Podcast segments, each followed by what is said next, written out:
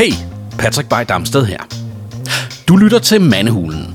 En podcast, der opstod som en form for modvægt til den trælse debatkultur, som vælter ind over os. Såvel klassiske som sociale medier bruger den endeløse konflikt som forretningsgrundlag, og taberne, ja, det er den interessante samtale, udvekslingen, hvor vi spiller hinanden bedre og lytter og lærer. Forleden læste jeg et citat, som måske om noget sætter rammen om mandehulen. At tale er at så, at lytte er at høste. Tommel op, som man siger. I dag møder du en mand, hvis stemme du helt sikkert har hørt før. Han har skrevet og produceret tusindvis af radioreklamer, været medstifter og chef for en radiostation, nemlig ABC i Kronjylland, og så har han været opfinder og leverandør af telefonjokes til blandt andet P3. Men det er slet ikke derfor, vi skal tale med ham. Jeg kender Palle Bo, som han hedder, gennem mange år, og vi har haft sporadisk kontakt gennem radiobranchen, konferencer, podcasts og en masse andre fælles kontaktpunkter gennem tiden. En dag for cirka tre år siden læste jeg, at Palle Bo havde solgt alle sine ejendele, hus, bil, inventar, og nu var evigt rejsende. Han var blevet digital nomade. Først tænkte jeg, wow, det er vildt.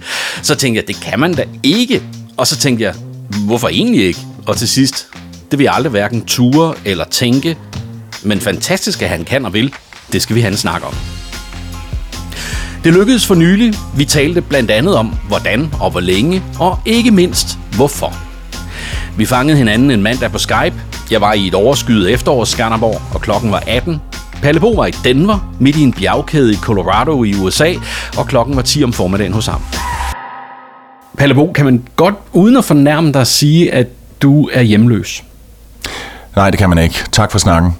Øh, ja, jo, jeg, jeg, jeg har faktisk en t-shirt, hvor der står Homeless by Choice. Øh, jeg har hørt nogen bruge øh, vendingen houseless øh, i stedet for homeless, fordi det lyder øh, knap så tvivlsomt. Men øh, jo, jeg er, jeg er hjemløs. Jeg har ikke et hjem øh, nogen steder. Jeg har faktisk ikke engang en adresse. Jeg ved ikke, hvad det hedder på dansk. Jeg er ikke resident nogen steder. Øh, jeg har øh, naturligvis mit danske pas, så på den måde kan man jo sige, at jeg er dansk statsborger, men, øh, men, men jeg bor ikke i Danmark, og jeg bor ikke nogen steder. Jeg bor i min kuffert, øh, og hvor jeg nu end er. Hvor lang tid har det været sådan?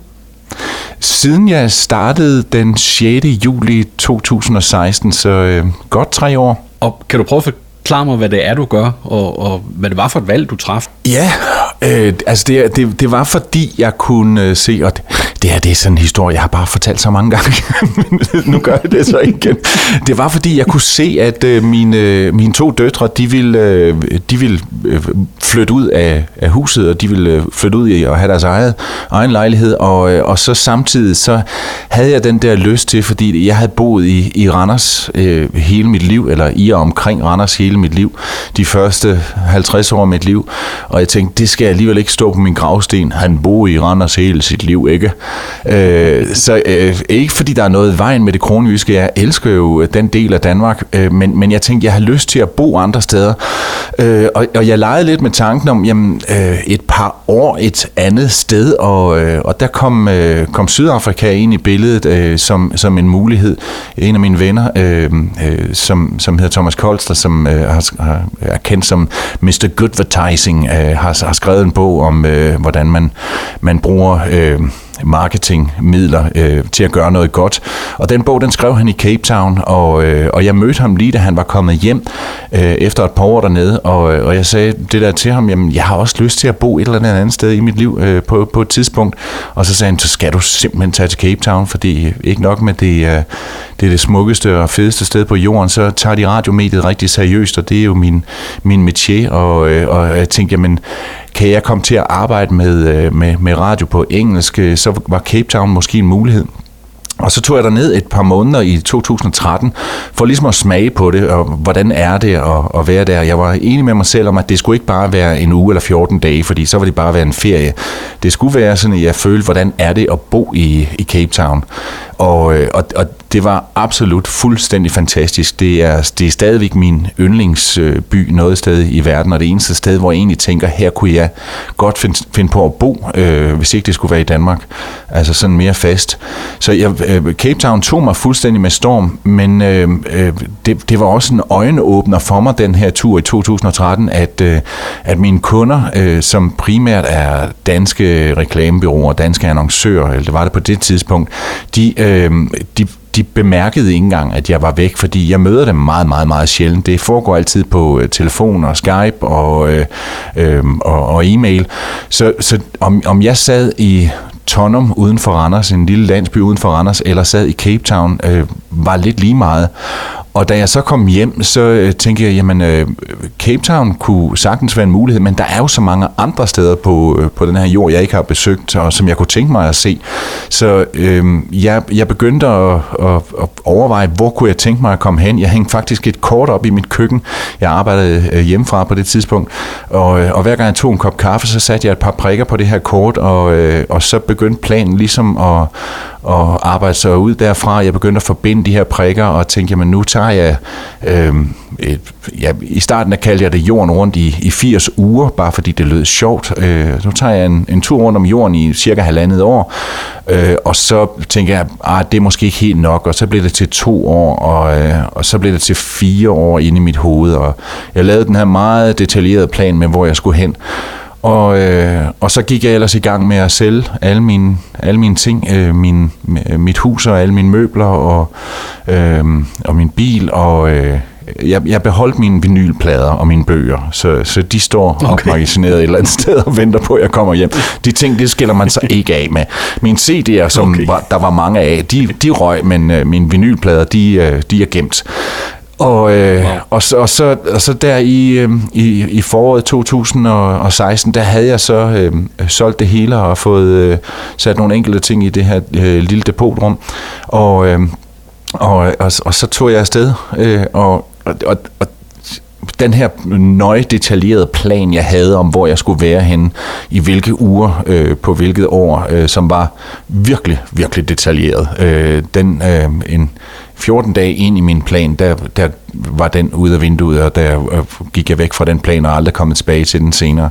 Så hvis jeg kigger på det kort, jeg havde dengang, øh, inden jeg tog afsted med sådan en meget blød linje jorden rundt en enkelt gang, øh, så når man kigger på mit kort i dag, hvor, hvor min, min, min rute er tegnet op med sådan en gul streg, der, der ligner det spaghetti, der er kastet på et kort. Det, det, det har været fuldstændig kaotisk, og, og det er bare de her tre år ind i, ind i planen, og jeg regner med, at jeg nok, altså jeg bliver ved med at rejse på den og leve på den her måde i måske 10 år mere. Øh, ja, måske 15, jeg ved det ikke. Ind, indtil en af mine døtre, øh, som er 22 og 25, de begynder at i gåsøjne fabrikere nogle børnebørn til mig, øh, så, øh, så, så har jeg tænkt mig at, at rejse på den her måde og leve på den her måde. Også. Men, men når de så, så, så vil jeg nok godt hjem. Øh, Øhm, så må vi se, om det sker på noget tidspunkt, fordi det er slet ikke i deres planer nu. De går på, øh, på universitetet henholdsvis øh, Aarhus og, og Kolding i dag, og, øh, og øh, har, har gang i andre ting, og slet ikke planer om at skal,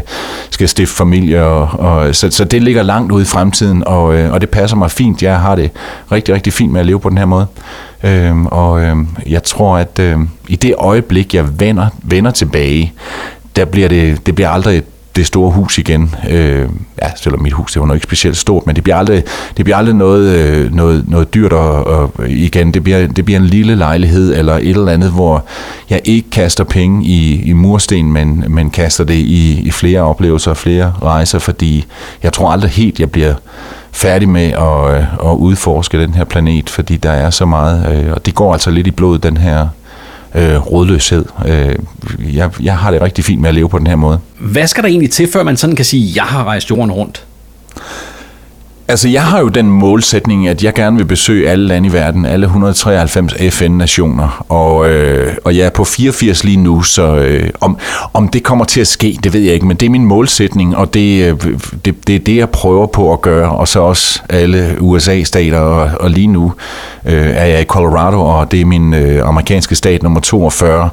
Øh, men, men i virkeligheden, jeg tror, det var... Øh, øh, Mikkel Beer Eriksen, der sagde på et tidspunkt, jamen når man har egentlig rejst jorden rundt, jamen så kan man jo bare tage den rute og flytte den 10 km nordpå, og så er det en helt anden tur, og så er det en helt anden oplevelse, man får. Så øh, der, der vil altid være øh, steder, man kan, man kan udforske, og, øh, og jeg synes, det, det er enormt spændende. Øh, der findes et, øh, øh sådan et community, der hedder Nomad Mania, øh, som er, er øh, startet af øh, en, måske den mand, som har været i flest, øh, øh er, er den mest berejste mand i verden, øh, som hedder Harry Mitzides. Og han har øh, sammen med nogle andre inddelt øh, jorden i 1200 noget øh, regioner.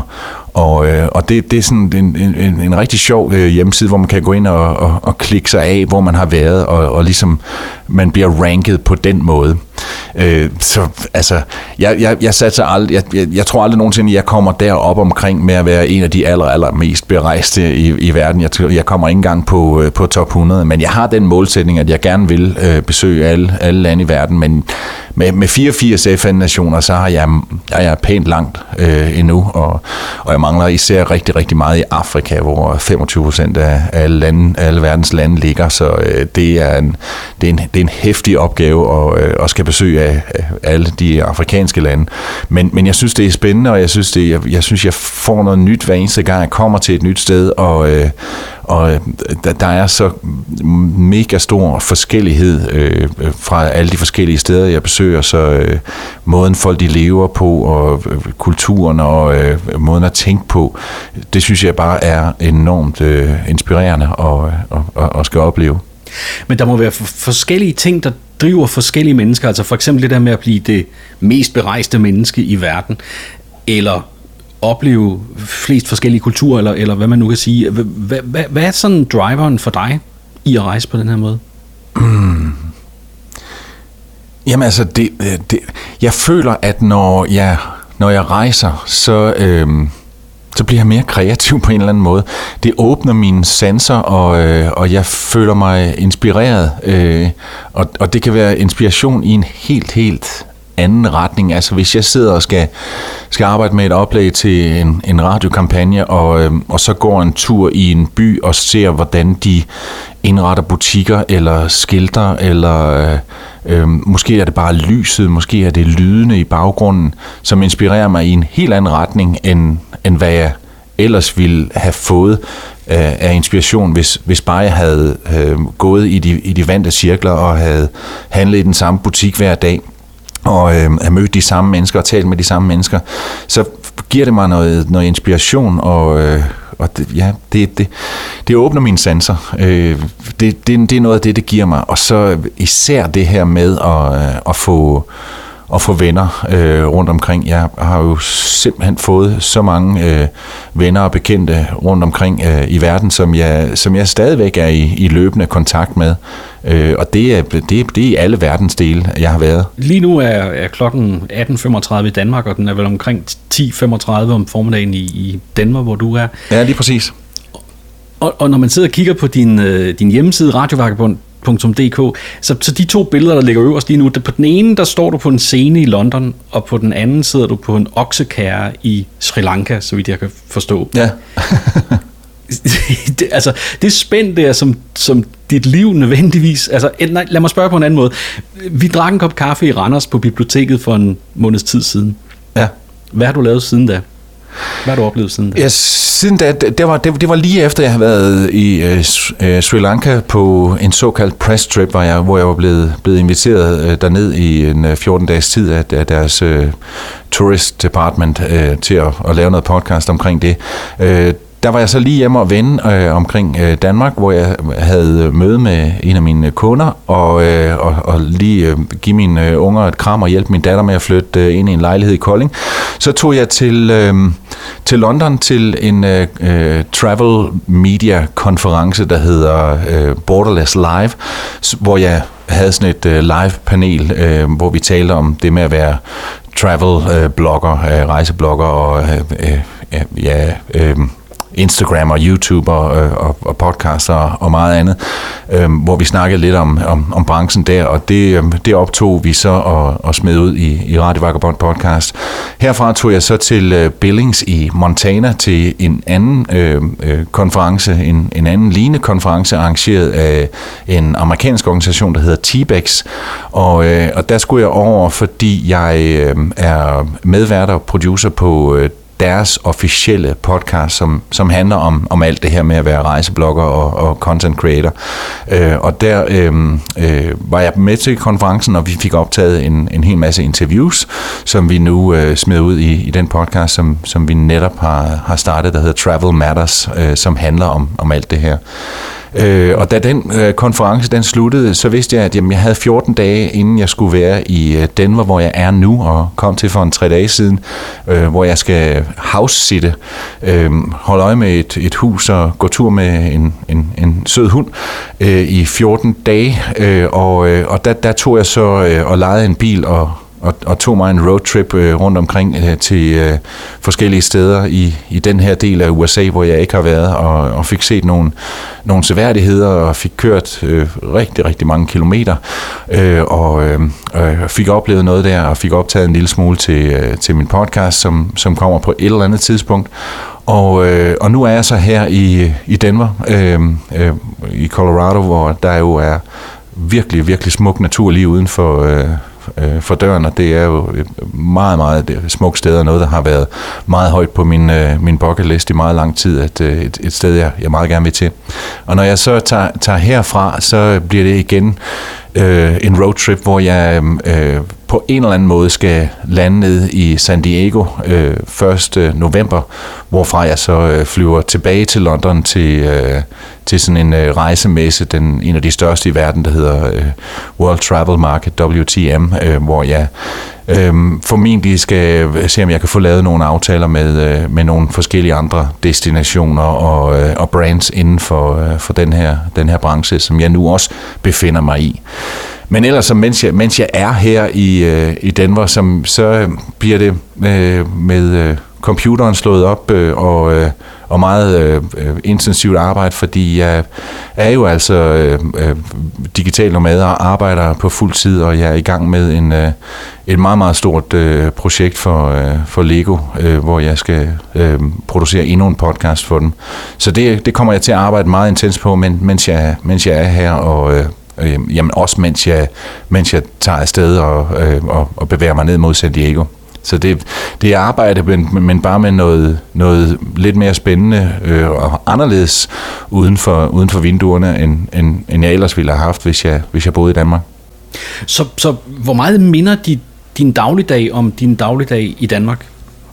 Jamen det er, øh, altså når jeg, når jeg sidder og arbejder, jamen så er det, så er det det samme. Altså så, øh, så laver jeg det samme, og, øh, øh, og jeg laver jo også øh, øh, optager også speaks, og øh, lige nu der sidder jeg, har sat min mikrofon op, øh, hæftet fast til et, et bord i stuen her. Det er ikke, det er ikke 100% øh, perfekt studiekvalitet, øh, men, øh, men, men det, det er hederligt. Måske kan man høre en helikopter udenfor. Skal jeg lave noget, noget speak til nogle kunder, jamen så sørger jeg for, at det bliver endnu mere øh, studieagtig øh, kvalitet, øh, og måske pakker mig ind i et, øh, et klædeskab med, med nogle dyner om, omkring mig bag ved mig, og, øh, og for at få, få lyden så, øh, så ren som overhovedet muligt. Men ellers så øh, mm. ligner det mit, mit arbejde ud fra, bortset fra, at jeg ikke har mit, mit studie, det er, det er sådan lidt mere intimistisk, øh, det jeg har i dag. Lad os lige prøve at vende tilbage til, nu sagde du, at du skal house altså øh, hvilke forskellige måder at bo på benytter du dig af, for, øh, mens du rejser rundt?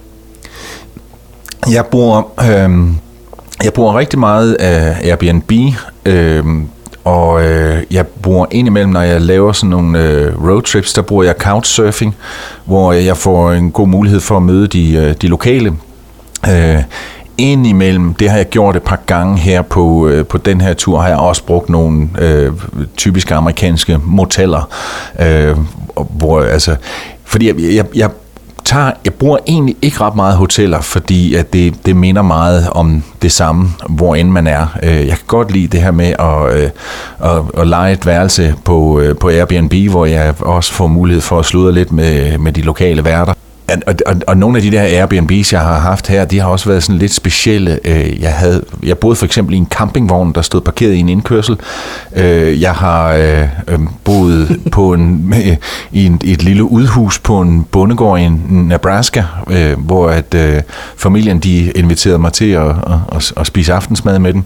Og deres 25-årige søn, han smed mig ind i deres pickup, og så kørte vi ellers ud på marken og kiggede på deres køer en meget interessant oplevelse, øhm, og, øhm, og, og, og fik en rigtig god snak med, øh, med hans mor, som havde hendes... Hun, hendes familie kommer oprindeligt fra Danmark. Øh, det var faktisk i, i nærheden af en lille by, der hed Jødeborg, øh, øh, som, som ligger i Nebraska, som øh, er sådan en, en, en lille by med, øh, med meget skandinavisk islet på den.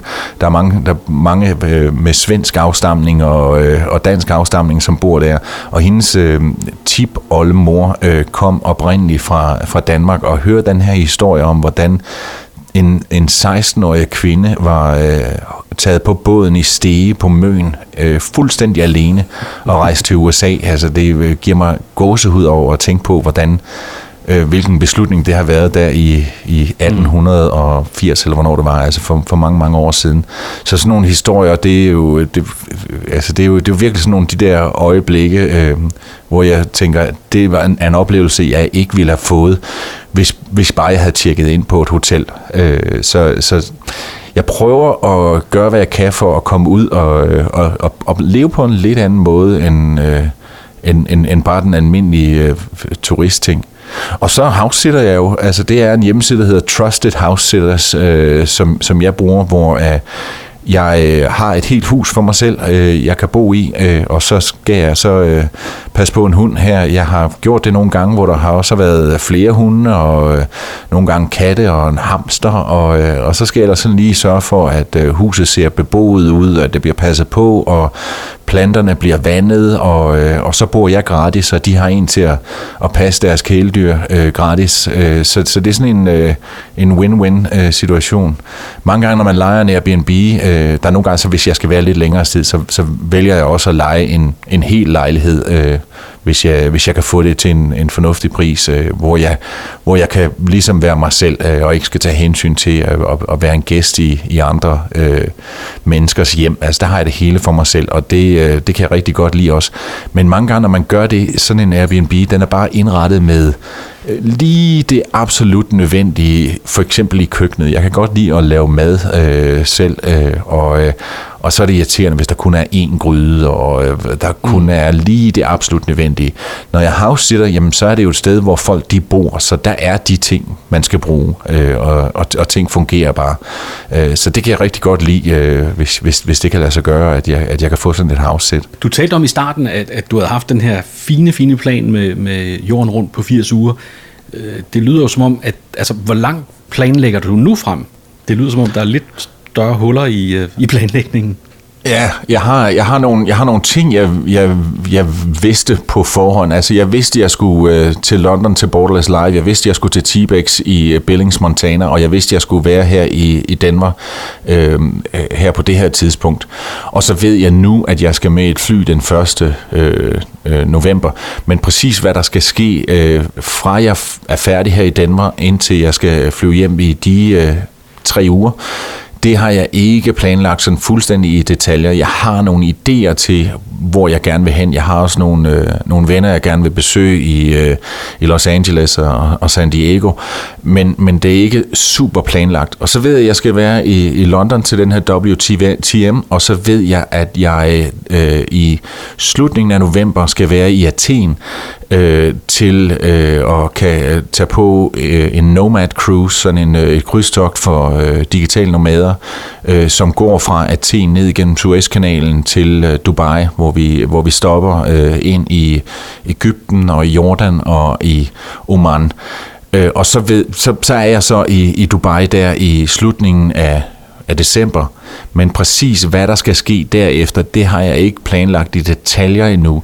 Jeg har lidt en tanke om at tage til, øh, tage til Bali, øh, men, øh, men jeg ved det ikke helt præcis. Og så næste, næste holdepunkt, jeg har, som er det sidste holdepunkt, det ved jeg ved, at jeg skal til den næste T-Bex i, øh, på Sicilien øh, i Italien i øh, midten af marts. Øh, men ellers så, så er det, det, nej, det er bestemt ikke, øh, så, selvom det måske lyder lidt planlagt, så er det, det, der, der, det er meget mere fleksibelt, og, og rent faktisk så det, det, noget af det fede ved det, det er, hvis jeg er et sted, eller, eller ved, jeg skal være, for eksempel i Dubai, så kan jeg finde på at lave en søgning på øh, Skyscanner, der bare hedder herfra til hvor som helst. Man kan lade den, det, sidste felt stå åben, og så dukker der måske et eller andet op, øh, hvor man siger, åh oh, for søren, jeg kan komme billigt til Brunei eller til øh, Kenya, øh, jamen øh, hvorfor så ikke springe på det? Øh, så så det, øh, jeg kan godt lide at have den der, den der øh, fleksible tilgang til det nu. Det, jeg, jeg springer lidt frem og tilbage mellem de forskellige verdensdele. Jeg gør ikke en, en verdensdel helt færdig inden. Men, men netop også fordi du arbejder, så kan du så rent faktisk blive øh, ude, eller hvad skal vi sige, blive rejsende så lang tid, som du har lyst til? Ja, Ja, og, og, og, og rent faktisk, så jeg, jeg holder sådan lidt regnskab med, hvad er det, jeg bruger på transport og på overnatning, på de to ting. Øh, og, og det mener jeg, jeg kan sammenligne med, hvad brugte jeg, hvad havde jeg faste udgifter da jeg boede i, i Danmark, øh, altså både til, øh, mm. til mit øh, kreditforeningslån og til, til varme og vand og el og, øh, og, og så videre. Fordi det er jo ligesom de faste ting. Derudover så kommer så, jeg skal købe mad, og jeg skal øh, øh, have nogle, øh, gå i biografen en gang imellem, eller have nogle andre oplevelser. Og, øh, og det, det skulle jeg jo også, da jeg øh, boede i Danmark, så jeg sådan sammenligner de, de to tal, altså rejser, øh, transport og overnatning. Og, øh, og, og der kan jeg se, at øh, jeg, jeg bruger markant mindre, end, end jeg brugte, da jeg boede i, i Danmark. Så, øh, så det, der, er mange, der, der er mange, der siger, jamen, øh, åh, det ville jeg også ønske, jeg havde råd til. Men altså, når man mm. stadigvæk kan arbejde, øh, hvis man kan det, øh, og der er mange flere muligheder, end, end folk de måske tror for at, at lave noget, øh, noget at, at leve af, af et eller andet, øh, hvor, man er, hvor man er location independent, hvor man kan være hvor som helst, så er der, der er mange muligheder. Øh, jamen, øh, så synes jeg, man skal prøve at undersøge det, hvis man har lyst til det, men det er jo bestemt ikke for alle, fordi langt, langt de fleste har jo behov for at have den her base, og har lyst til at have den her base med egne bøger i regionen, og øh, sin egen seng at sove i, og billeder på væggen og sådan noget. Øh, jeg er der ikke lige nu. Det kan være, det kommer på et tidspunkt mm. igen, men øh, jeg, jeg savner det ikke. Men har du dage eller, eller timer eller bare minutter, hvor du, hvor du egentlig gerne vil være hjemme hjemme? Mm.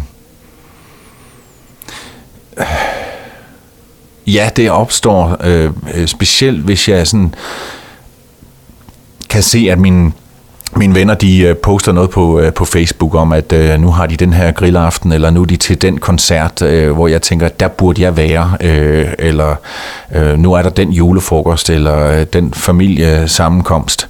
Der kunne jeg godt tænke mig at være der, men, men hele det der med at, at savne en base, det, det gør jeg ikke. Øh, jeg havde et halvt år inde i min rejse, øh, da jeg var i Asien på et tidspunkt, så tænkte jeg, ah, det kunne måske være meget rart at have bare et lille sommerhus, eller måske endda bare et lille kolonihavehus øh, hjemme i Danmark, hvor jeg ligesom kunne sige, jamen det her, det er mit hjem, og have den base, den, den står der.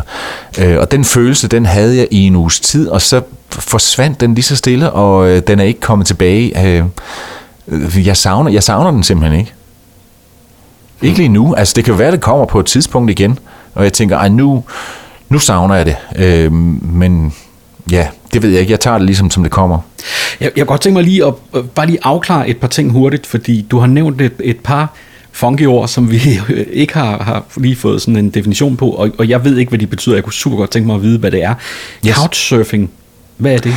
Couchsurfing, det er, der findes en hjemmeside, der hedder couchsurfing.com, hvor man øh, øh, kan... Det er folk, der siger, at jeg har et ekstra værelse, eller jeg har øh, en, en sofa.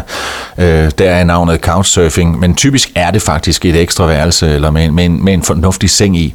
Øh, og den vil jeg gerne stille til rådighed, hvis der er nogen, der har lyst til at komme og besøge mig et par dage, øh, fordi jeg synes, det er spændende at møde folk fra forskellige kulturer. Og, øh, og der, der, der kan man simpelthen bare anmode og sige, jamen øh, nu ved jeg, at jeg skal til øh, bla bla bla, øh, kan, jeg, kan jeg bo hos dig? Og, øh, og så er det ligesom, øh, i modsætning til, hvor man leger et, et værelse ved, ved Airbnb, det, det ligner meget, men alligevel så er det lidt forskelligt, fordi hvis man leger et værelse ved Airbnb, så er der ikke nogen forventninger om, at man skal være social. Den, det ligger sådan ligesom i, i, i underforstået, at hvis man, hvis man couchsurfer, jamen så, øh, så er det også fordi, at man, man vil bruge tid med, med sin vært. Det er ikke kun for at få et gratis hotelværelse. Det er simpelthen fordi, at, at man, skal, man skal interagere med, med de mennesker, man besøger.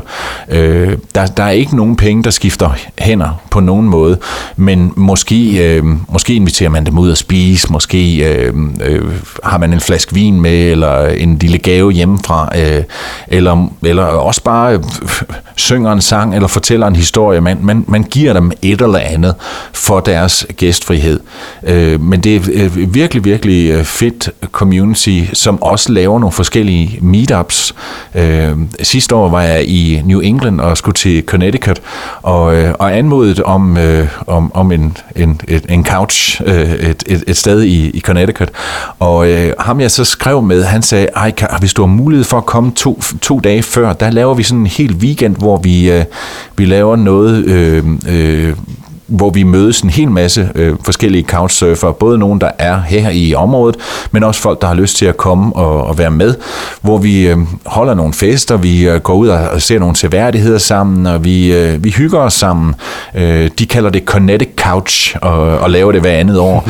øh, og, og sådan noget lignende laves der øh, mange andre steder. Det kan også være nogen, der bare laver en, en meetup øh, på, øh, nu tager vi ud og spiller billiard, eller, øh, øh, eller øh, et eller andet, hvor man, øh, hvor man mødes, og, øh, og det, det, det, det er et rigtig interessant øh, community, og, og, og noget specielt, når man rejser alene, og, og, og godt kan lide at møde mennesker, øh, så, så er det, øh, øh det, det, det, det er en god måde at, øh, at, at møde folk på. Og øh, så øh, nævnte du også øh, digital nomade, og jeg forstår jo godt, øh, at, at det er, at du, øh, du er i stand til at passe dit arbejde, på trods af, at du rejser rundt. Men du nævnte også, at I tog på et cruise for en digital nomade. Og, og kan, kan du prøve at fortælle lidt om det der digital nomade? Øh, der, ja, altså, det, der findes der er, om det. Der er, øh, altså der, der er mange, mange steder, hvor man, øh, man, man møder de her digitale nomader, der, der lever på samme måde som mig, eller måske bare øh, rejser en hel del og har mulighed for at arbejde hvor som helst, men, men, men måske stadigvæk har en, en hjemmebase et eller andet sted i verden. Øh, og, øh, og der øh, Chiang Mai er et, et stort sted for digital nomader. Man kalder det øh, øh, hotspot for, øh, for digital nomader. Det er Chiang Mai. Et andet er Bali, hvor der også er rigtig mange digitale nomader. Og øh, så er der øh, Medellin i Colombia, som på en eller anden måde også er dukket op som, som et sted. Der er også mange i Cape Town, og, og, og faktisk en hel del i, i Polen også, og, og forskellige andre steder. Men, men øh, det synes jeg er rigtig spændende. Jeg var i Chiang Mai øh, i, i begyndelsen af min rejse, og, og den rigtig, rigtig mange mennesker at kende, fordi der netop er øhm, øh, det, forskellige øh, co-work spaces, sådan nogle kontorfællesskaber, eller, eller også man bare sidder på en café eller noget, og, og så bliver der lavet rigtig mange øh, meetups med nogen, der holder foredrag, eller øh, vi holdt øh, juleaften og, med at og, bowle, og øh, var ude og holde nytårsaften sammen også øh, der øh, på, øh, i, i Chiang Mai. Og der, der nogle af dem, som jeg, jeg så mødte, de fortalte mig om øh, noget, der hedder Nomad Cruise, som er et, øh, et krydstogt, øh, altså simpelthen på et skib, hvor det i virkeligheden er en konference ombord på skibet for nomader eller øh, folk, der, der rejser meget.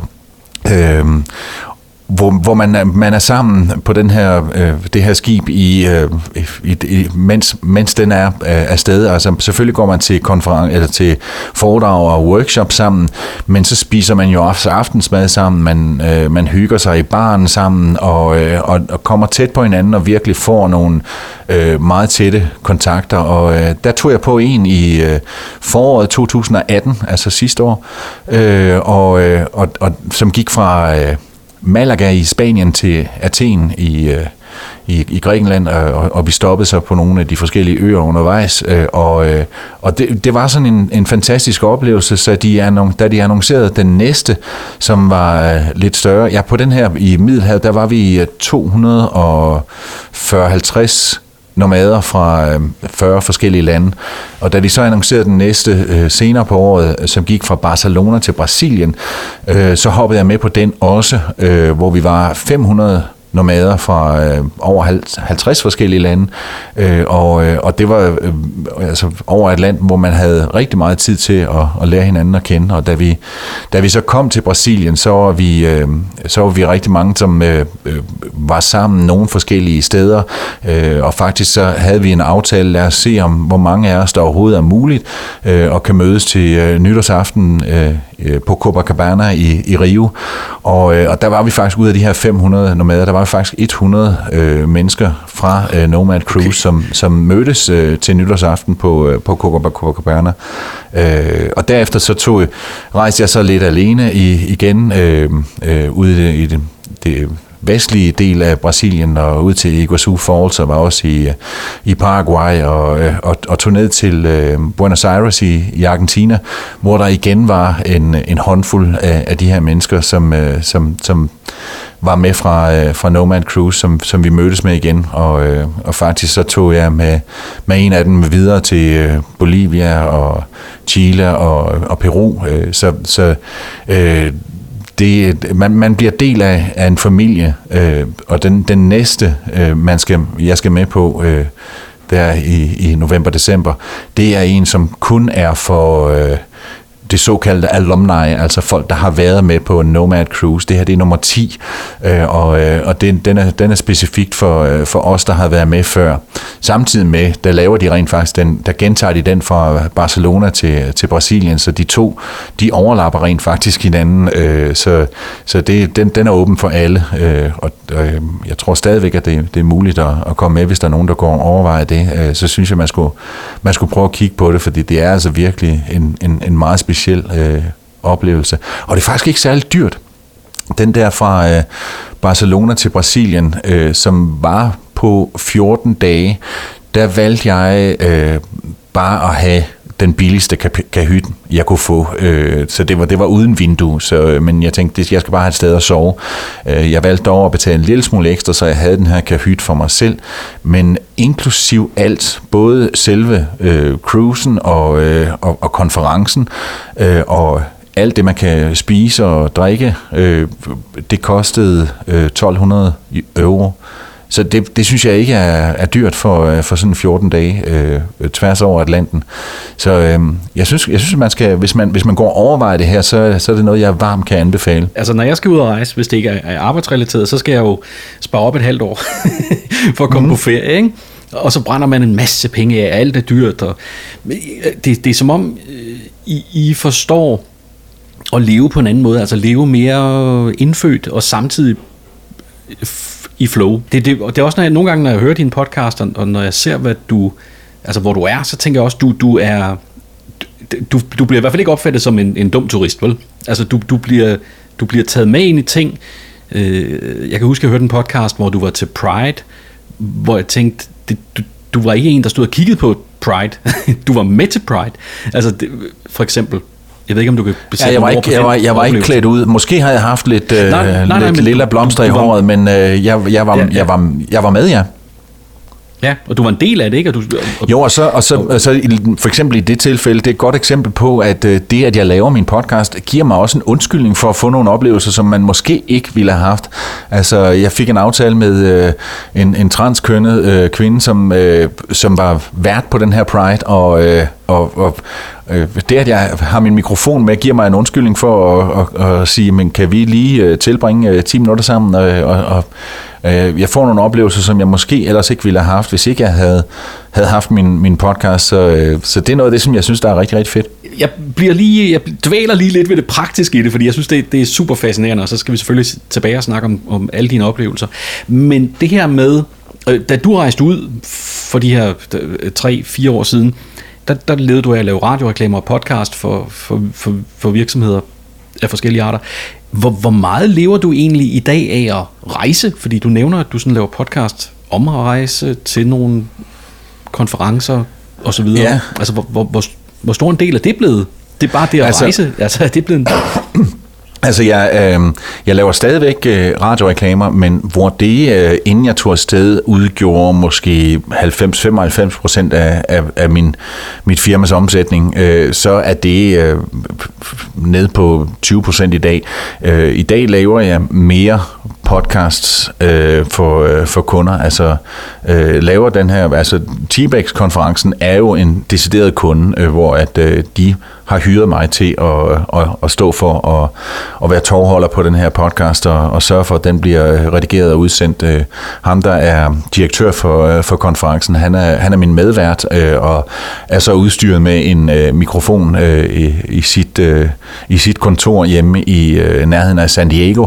Så øh, der gør vi det lidt på samme måde, som vi to gør det nu, at, at vi har hver sin mikrofon og kan høre hinanden over øh, Skype eller telefon, og så, øh, og så optager vi hver sin del, og så, så sørger jeg så bare for, at det bliver redigeret og, øh, og, og udsendt. Så det er en decideret kunde, og så, og så som sagt, så øh, har jeg, laver jeg nogle forskellige ting for, øh, for Lego, som er min, min største kunde øh, i øjeblikket, og øh, nogle meget, meget store, øh, utrolig spændende projekter, jeg laver sammen med, med dem. Øh, og øh, det, det er det, jeg laver meget af nu, men jeg har stadigvæk en, en, en god base af, af danske kunder, øh, hvor det kan være speaks til øh, online øh, videoer, og så som sagt stadigvæk øh, radioreklamer. Be- Betragter du dig selv som, som en af de her influencer, som man snakker så meget om? Jo, men vi bryder os ikke særlig meget om udtrykket. det var det var meget nej det, det, er, det, det er meget det, det er en stor snak på øh, hvad pokker vi skal kalde os selv fordi at det, øh, det er jo altså det er jo det er jo travel blogger eller rejseblogger men øh, men hvad er fællesbetegnelsen? Fordi nogle af os øh, laver også en podcast, der er nogen, der lever fuldt ud af at lave Instagram øh, og, øh, og, og, og øh, YouTube-videoer, så øh, vi kan bedre lige udtrykket content creators, øh, fordi det der influencers, det har fået lidt en, en dårlig klang, men, men, men ja, det er jo det, er jo, det, er jo det som øh, øh, jeg også gør øh, med min egen podcast. Øh, det er ikke sådan, at jeg tjener øh, voldsomt med, med penge på at lave min podcast. Øh, det dækker mere eller mindre de udgifter, jeg har til at få den, få den udgivet. Øh, men, men jeg får nogle, øh, nogle muligheder for at, at, at komme på nogle rejser, hvor jeg ellers gerne ville have været hen, og så selv skulle have brugt pengene på det. Jeg har haft fornøjelsen af at være øh, øh fløjet en uge til Antigua i Karibien øh, øh, for øh, turistdepartementet dernede, og det samme med, med den her tur til, til Sri Lanka. Men det er ikke sådan, at, øh, at jeg sender dem en, øh, en, en regning på, øh, på min min, på det, jeg laver for den. Så til gengæld så stiller de heller ikke nogen krav om, hvad jeg, hvad jeg skal levere. Øh, altså hvis det var decideret en betalt opgave, jamen så ville der være, jamen vi kræver, at du laver så og så mange tweets, så og så mange Instagram posts, og øh, så og så mange minutters podcast, og, øh, og vi har mere indflydelse på, hvad du tager i din podcast. Altså her der inviterer mm. de mig, og så øh, hvis jeg har lyst til at lave noget, jamen det, det regner de selvfølgelig med, at jeg har, øh, så, øh, så gør jeg det, men de har ikke de har ikke redigeringsret over, hvad jeg, hvad jeg siger i min podcast, og øh, noget af det, som kommer i øh, den kommende episode fra, øh, eller en af de kommende episoder fra Sri Lanka, det er, øh, at jeg stiller mig kritisk til øh, hele det her med at, at ride på elefanter, fordi det er, det er noget af det, som jeg synes, at det skal man ikke gøre. Og, øh, og, og det, øh, der var jeg inviteret ud til en, en meget flot øh, parade øh, med musik og folk, der kastede med ild. Og så var der lige den detalje, der var 60 elefanter, som øh, var klædt ud og, øh, og var udstyret med en mand, der sad op på ryggen af dem øh, i den her parade. Og det kan jeg ikke undgå at stille mig kritisk over for, men til gengæld så det, det har været sådan noget, som jeg har været meget sådan jeg vil jo ikke fornærme dem øh, og deres kultur, fordi det er jo en dybt indgroet ting i den her øh, meget øh, buddhistiske parade, de har. Og det, det, det er jo en tradition, og, øh, og øh, øh, skal jeg stille mig på dom, til dommer over for øh, deres kultur, men jeg kan ikke undgå at hvis jeg skal være tro imod mig selv og, og stille mig kritisk over, over for det. Øh, og det, det, det, det er de udmærket godt klar over, at jeg gør, øh, og at jeg kommer til at snakke om, øh, men, men øh, de har ikke redigeringsret over, over, hvad det er, jeg lægger ud. Øh, så øh, jeg håber på, at jeg kan gøre det på en respektfuld måde, men, men stadigvæk øh, være tro imod mig selv og hvad jeg står for. Så det vil sige, der, der er ikke som sådan penge imellem jer. Der er en mulighed for at opleve noget for dig, Ja, altså når der, ikke er, når der ikke er penge imellem, øh, så, så er det også fordi, at øh, øh, så stor er jeg heller ikke endnu. Øh, jeg håber på, at, øh, at øh, altså jeg kan jo se, at min download-tal på min podcast, de, de stiger støtter roligt, og, og det begynder at ligne noget, hvor jeg kan decideret have en, en, en sponsor på, øh, som øh, betaler mig nogle penge for det. Jeg har en sponsor på i øjeblikket, som øh, hedder Hotels25.dk, og det er sådan en, øh, en løsning, når man, når man booker et, et hotelværelse, eller et, et hostel, eller et guesthouse, øh, via den her hjemmeside, øh, og det var hotels25.dk, så, så får jeg en lille øh, kommission øh, tilbage øh, fra, ja. øh, fra den, den her løsning. Så det er sådan en slags affiliate-ting, hvor jeg, hvor jeg får en lille smule ind, men det er som sagt ikke særlig meget. Men øh, jeg, jeg begynder at få flere og flere henvendelser fra, øh, fra brands, som, øh, som gerne vil lave nogle ting sammen med mig, og, øh, og det er også en af grundene til, at jeg tager til øh, den her øh, World Travel Market i, i London, øh, hvor at øh, hele øh, branchen samles. Altså der er tusindvis af, af udstillere og folk, som man øh, kan arrangere nogle møder med, som måske øh, jeg kan lave noget samarbejde med øh, på, på, på sigt. Altså, og det kan enten være, øh, at, at jeg bliver inviteret med på en, en, en tur, men det kan også være, at jeg bliver inviteret med på en tur, hvor de betaler for det, øh, og decideret mm. giver mig et, et honorar for at, at levere nogle ting, øh, som kan være med til at promovere deres, øh, deres destination. Men så vil du vel også angive det?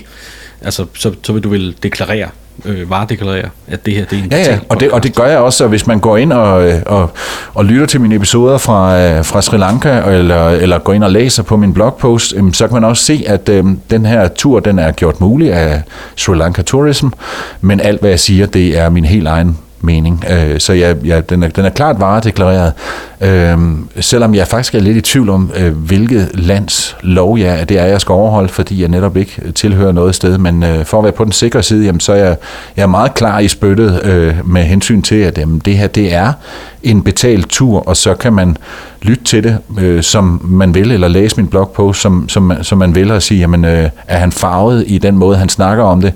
Øh, men men øh, ja, det er virkelig min, min helt oprigtige mening om, om de ting. Jeg, jeg pynter ikke på nogle ting, når jeg, når jeg siger nogle ting. Og jeg, øh, som sagt ikke, de har ikke stillet krav om, hvor meget jeg skal levere. Og, øh, og da jeg blev inviteret med på den første af den her slags sure øh, til Antigua, øh, så sagde jeg til øh, dem, som henvendte sig, sig til mig, øh, hvad, hvad skal jeg så levere til gengæld?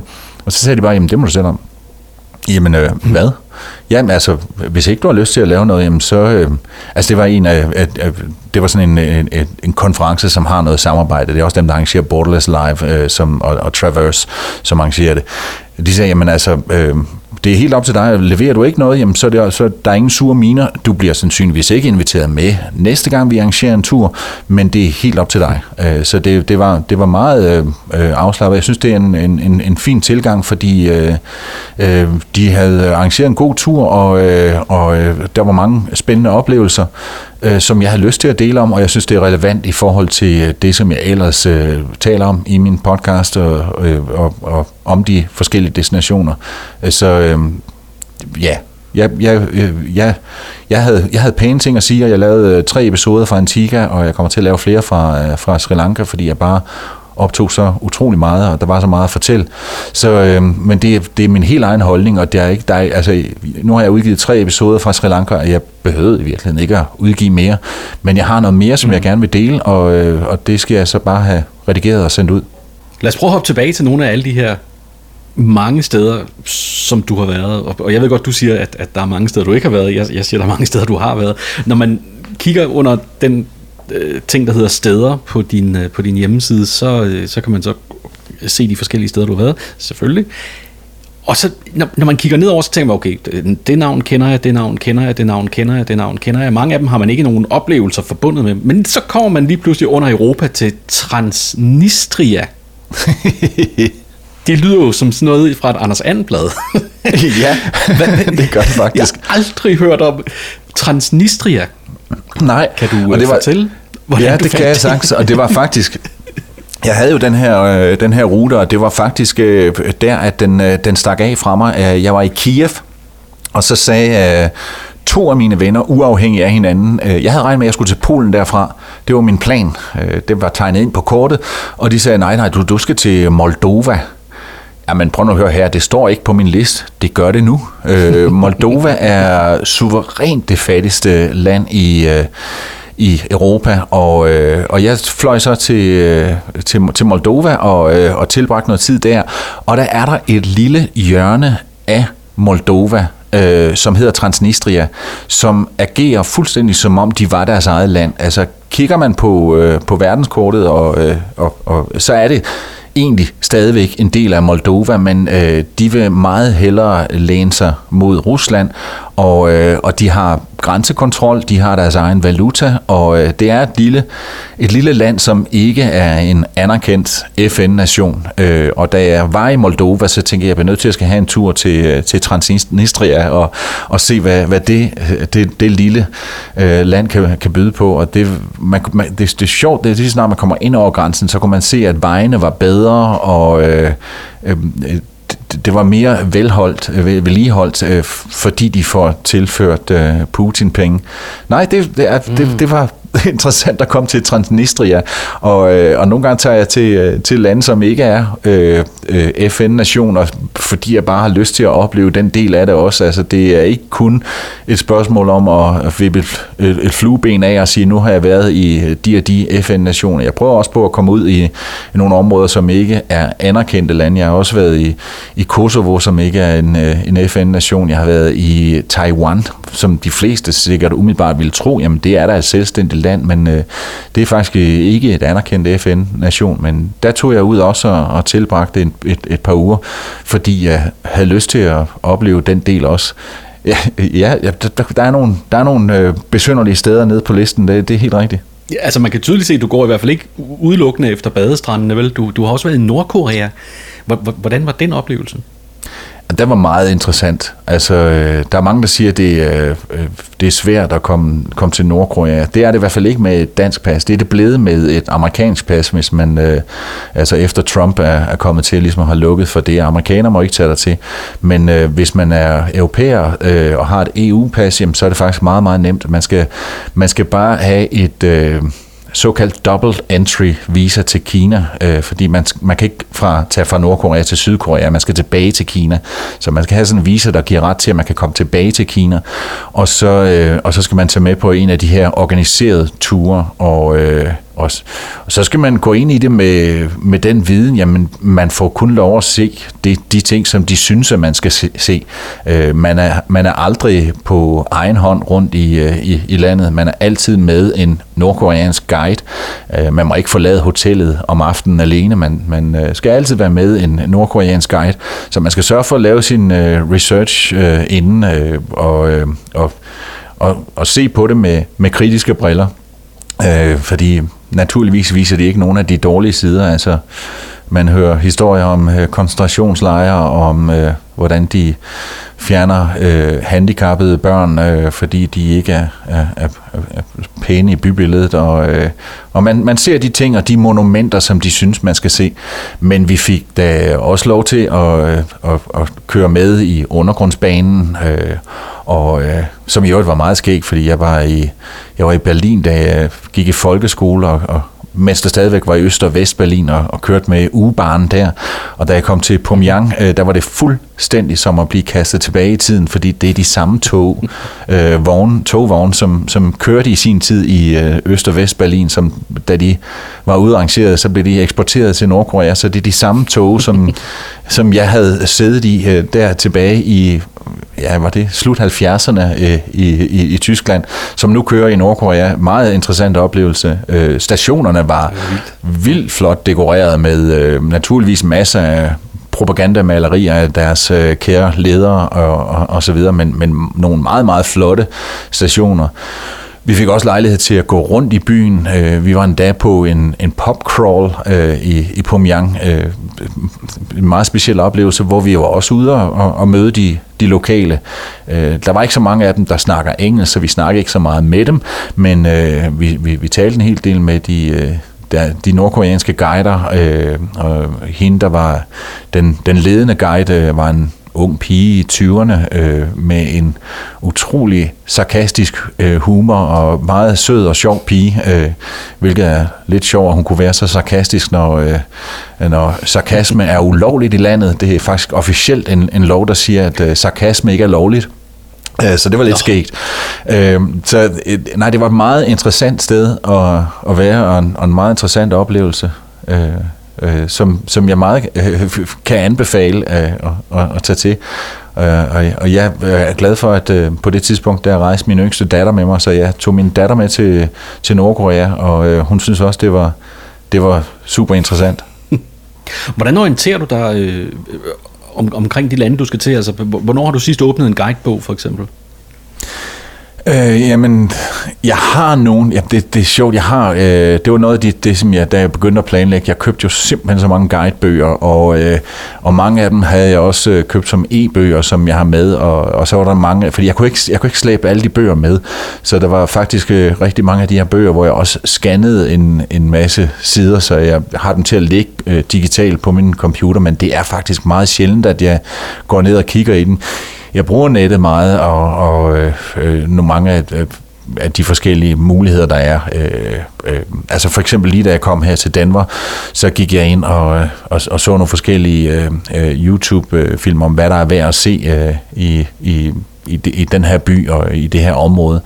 Øh, for os, det, det er irriterende, hvis man er, er taget herfra og så og opdager, hvor for Søren, der var noget, der hed Red Rocks, som man bare skal besøge. Øh, så øh, jeg prøver på at orientere mig, men, men det, det foregår mest på nettet øh, i, i dag. Øh, og, og, og, og ellers så er Facebook-grupper og, og, og så videre også mange af de her communities, som jeg er, kommet ind i, der øh, slår jeg nogle gange noget op og siger, jamen øh, nu er jeg, nu er jeg her, øh, er, der, er der nogen, der har nogle gode råd til, hvad jeg skal, hvad jeg skal opleve, eller måske endnu bedre øh, nogle mennesker, som jeg bør tale med. Så øh, øh det, det er mange af de måder, jeg prøver på at orientere mig. Hvad, hvad har egentlig overrasket dig mest ved den her livsstil? Fordi det kan man vel godt tillade sig at kalde det. Er der noget, som er kommet bag på dig? Jamen, jeg vidste jo faktisk ikke, hvad det var, jeg gik ind i, øh, inden jeg startede. Og, øh, og det der med, øh, kommer jeg til at savne den her base? Øh, er, det, er det noget for mig?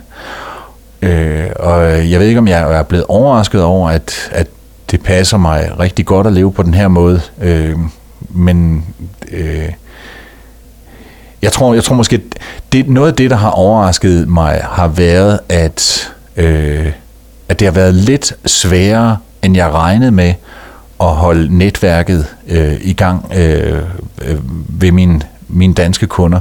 Altså, da jeg boede i Danmark, øh, det var aldrig sådan, at jeg øh, kontaktede kunder sådan rent canvas og sige, øh, brug mig, brug mig. Øh, men jeg var med i rigtig mange netværk. Øh, jeg var med i utrolig mange netværksgrupper.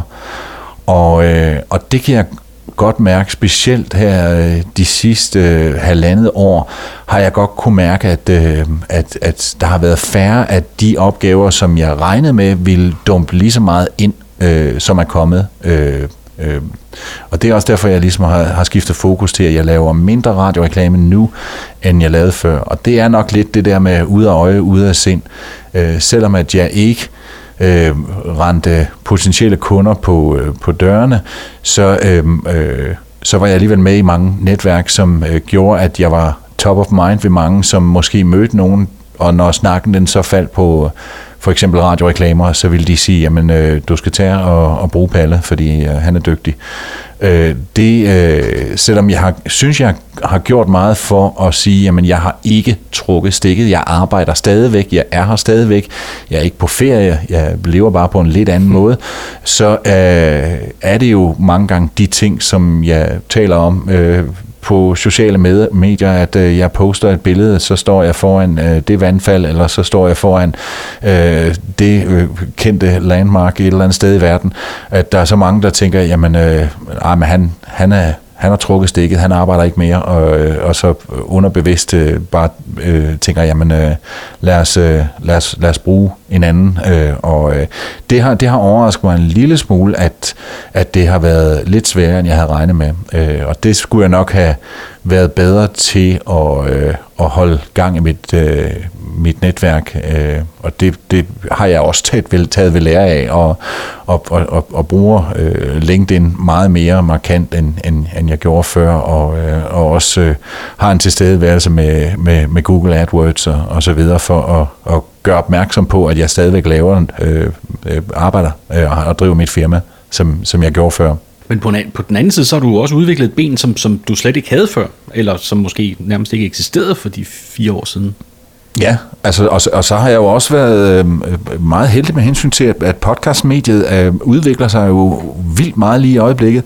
Og, øh, og, og øh, da jeg startede med at lave podcast, øh, og lavede min første podcast i 2006, der, der tænkte jeg, at nu har jeg, jeg, jeg er simpelthen sent på den, det skib, det er sejlet, øh, men øh, nu kan jeg jo se, at jeg var en af pionererne. Podcastmedier startede i 2004, og jeg øh, synes dengang, at jeg var sent på den, men øh, nu kan jeg jo godt se, at jeg er en af dem, som har været med i det game i, i, i pænt lang tid. Så, øh, øh, så både med, med min podcast-erfaring og med min, øh, min radiobaggrund, øh, har lavet radio siden 85, jamen så har jeg jo altså øh, en mulighed for at kan, kan, kan, kan hjælpe med at, at starte en podcast, og der, der sker jo rigtig, rigtig meget med, med, med podcastmedier nu, og, og noget af det, som jeg øh, laver mere og mere af, og jeg tror, jeg kommer til at lave mere og mere af, øh, det bliver at, at hjælpe øh, firmaer med at, øh, at, at få lanceret en podcast. Hvis vi øh, vender tilbage til, til, til tanken om at, at, at komme ud og rejse, hvor kan, man, hvor kan man tage hul på det her? Hvordan kan man Øh, behøver man selv huset, for nu at spørge? Nej, det behøver man ikke. Øh, nej, øh, og, øh, og man, kan, man kan egentlig, øh, hvis man har noget, hvor man kan arbejde hvor som helst, og er, der, der, er, ligesom, der er ligesom den øh, forskellige definition, og undskyld, jeg bruger nogle engelske udtryk, men øh, der er de, digital nomader, og det var dansk. Men, men så er der location independent, og det kan sagtens være, at man har bare mulighed for at arbejde øh, hvor som helst, øh, men, men ikke nødvendigvis gør det hele tiden.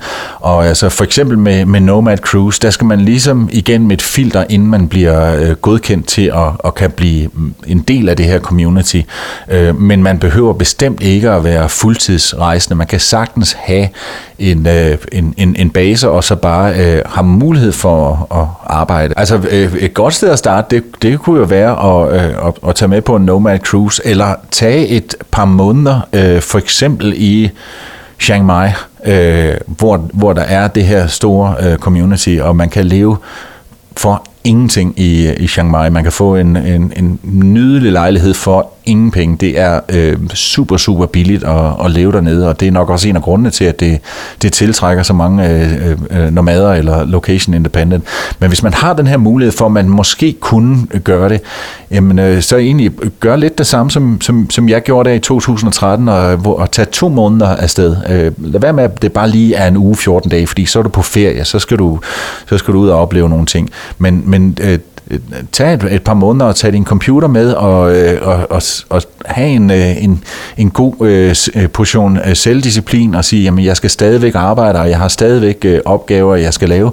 Det er bare øh, de andre øh, 16 timer i døgnet, hvor man ikke arbejder, eller hvor meget det nu er, men der har man så mulighed for at, at opleve noget lidt andet, og, og så mærk efter, om det er noget, der giver øh, der noget i forhold til, øh, til inspiration eller øh, øh, motivation, om, om, om du har mulighed for at have den, fordi det kræver også en, en, en god portion øh, selvdisciplin og skal kan øh, opretholde, at man, man altså skal øh, sørge for også at, at få lavet sit arbejde.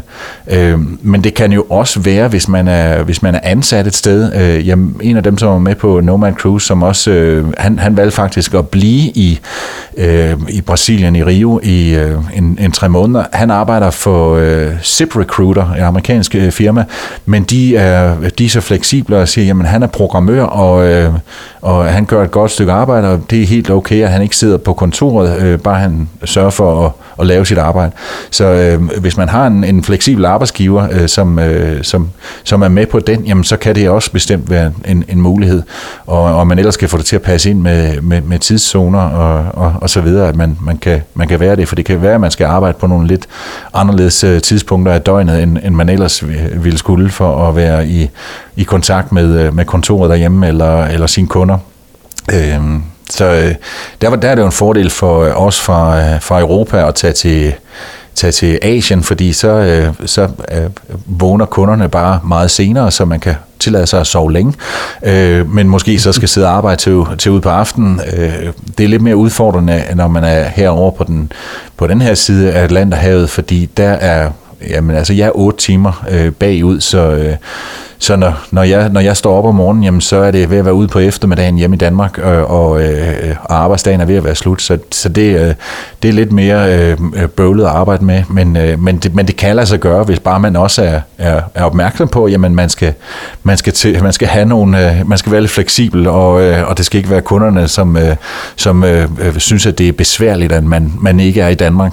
Altså jeg havde, jeg havde Skype-møde med, øh, med, med, med Lego her den, den anden dag, men det var klokken 6 om morgenen, øh, så, øh, så jeg skulle op øh, 5.30 for at øh, have, have, at stemmen ikke var alt for rusten, men, og jeg har også været ude for at skulle have øh, en skuespiller i studiet øh, i København, øh, hvor jeg skulle øh, instruere øh, klokken 3 om natten, øh, fordi det var det eneste tidspunkt, som passede for, øh, for den her stemme.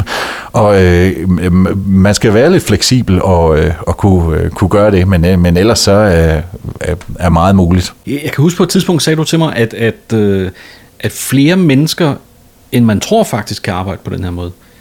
Og, og det bliver ja. lidt overrasket over, fordi jeg tænker jo også, at man skal møde op et sted, og man skal øh, gå på arbejde, eller man skal mødes med nogle andre, eller...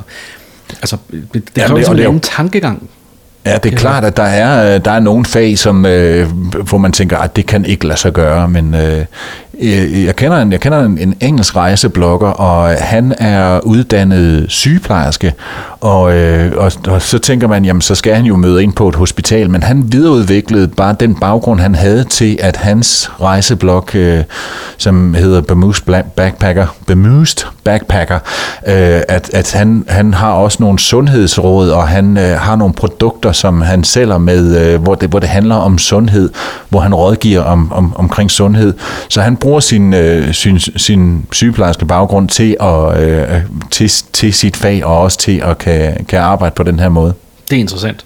Så, så hvis man kan perspektivere det på en anden måde, så, så har man faktisk muligheden for at få friheden. Jeg har det sådan lidt, jamen jeg synes jo, jeg synes jo det, må, det må jo øh, være ved at eksplodere, for jeg møder dem jo hele tiden, men det er jo nok også bare fordi, jeg, jeg bevæger mig i det her community. Altså lidt ligesom som, øh, da, jeg var, da jeg var noget yngre, øh, der kunne, synes jeg, jamen fødselstallet i år, det må da være stedet fuldstændig, fordi at øh, jeg synes, at alle omkring mig får børn lige nu. Øh, men så er det jo bare fordi, man, man, man er i, i den boble, øh, hvor, hvor at, øh, og i den alder, og, jeg tænkte også, skilsmissetallet må da være vildt, fordi jeg synes jo, alle bliver skilt lige nu. Øh, og på samme måde, så, så tænker jeg jo også, jamen, jeg, øh, jeg synes, at det med at være øh, digital nomad og, og location independent, det må være noget, som øh, er i, og det tror jeg også. Jeg tror også på, at der bliver flere og flere, som, som lever på den her måde, men øh, det, er nok, øh, det er nok også, fordi jeg bevæger mig i de cirkler, at, øh, at jeg tænker det, øh, at, at, at, det, at, det, at det vokser så meget. Hvor glæder du dig til at komme hen? Hvor, hvor ser du virkelig frem til at komme hen? Og jeg ser, jeg ser virkelig frem til at komme øh, til Bali og så videre ned til Australien og New Zealand. Altså øh, øverst på min liste, der står nok øh, New Zealand. Det er noget af det, som jeg har glædet mig til aller, allermest øh, i meget, meget lang, lang tid for at, at, at komme til. Øh, præcis hvornår det sker, det ved jeg ikke helt præcis, men jeg vil også gerne øh, til, til Australien og komme ud og dykke i Great Barrier Reef, inden øh, det er helt forsvundet. Øh, så øh, det, det, det er noget af det, som jeg virkelig, virkelig ser frem til. Men der, der er sør med rigtig mange steder. Jeg mangler, jeg mangler også en masse i, som sagt, i, i Afrika. Øh, øh og nogle af de, øh, de lande ser jeg virkelig, virkelig frem til at, at komme til. Øh, og, og nogle steder i, øh, i den nordlige del af Sydamerika og, og Mellemamerika mangler jeg også at besøge. Og, og der er også mange steder, jeg egentlig har lyst til at komme tilbage til. Altså for eksempel Peru og, og Chile, der synes jeg bare lige er skrabet overfladen. Altså der, der er jeg slet, slet ikke færdig, og øh, selvom at jeg har vippet fluebenet af på min liste over lande, jeg skal besøge, og, og, og sagtens skal gøre det, så synes jeg stadigvæk, der er rigtig meget, jeg mangler at se. Øh, det, det er virkelig nogle, nogle, nogle skønne områder. Og efterhånden, som du kommer rundt og, og, og får besøgt alle de her steder, altså bliver din bucket list så kortere, eller fortsætter den med at vokse? Jamen, den vokser. Jeg, jeg tænker, jo mere jeg rejser, jo mindre bliver verden, men det, det er det stik modsatte. Altså, det er sådan, når, når jeg har snakket om, nu skal jeg til, øh, til Mexico, jeg så har en af mine venner, der siger, jamen, du skal da til øh, Mexico City, det er en, det er en af mine yndlingsbyer. Så det havde jeg overhovedet ikke overvejet. Øh, så, øh, og, og sådan er det bare hele tiden, at man får nævnt nogle forskellige steder, man, man bør besøge. Og, øh, så jeg synes, at det, at det vokser, og der er masser af steder, som øh, jeg har lyst til at, at, at, at genbesøge også, øh, og, og komme til. Og, så ja, verden bliver ikke blevet mindre, den er, den er blevet større, efter jeg begyndte at rejse. Vi er i øh, slutningen af september på det her tidspunkt, og hvornår tror du, at du er i Danmark igen? Det er i november. Øhm, efter, efter WTM i London, der tager jeg om, omkring, øh, omkring Danmark, hvor jeg skal, det passer lige ind med, at øh, min nevø fylder 18 år, og, øh, og min søster og jeg også fylder år, så vi lige kan få, øh, få samlet familien. Øh, så jeg skal omkring Danmark, inden jeg skal videre til Athen. Og så er du afsted igen?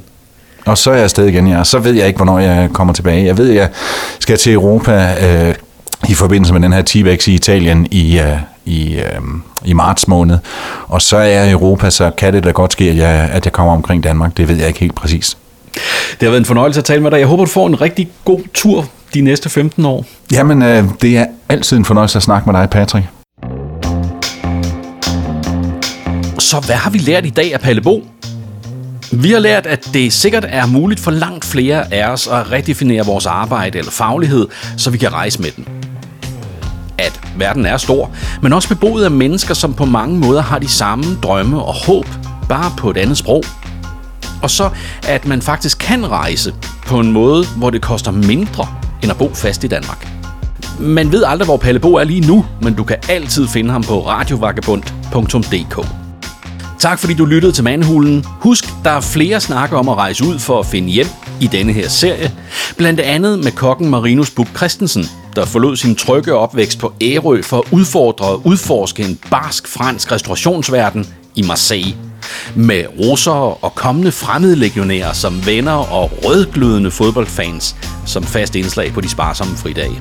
Giv meget gerne denne podcast en anbefaling i din podcast-app og del den med dine venner. Mandehulen udkommer, når der er en snak, der er god og vigtig nok til at dele, så husk at abonnere, så går du ikke glip af noget. Mit navn er Patrick Maj Damsted. Til næste gang, ha' det godt.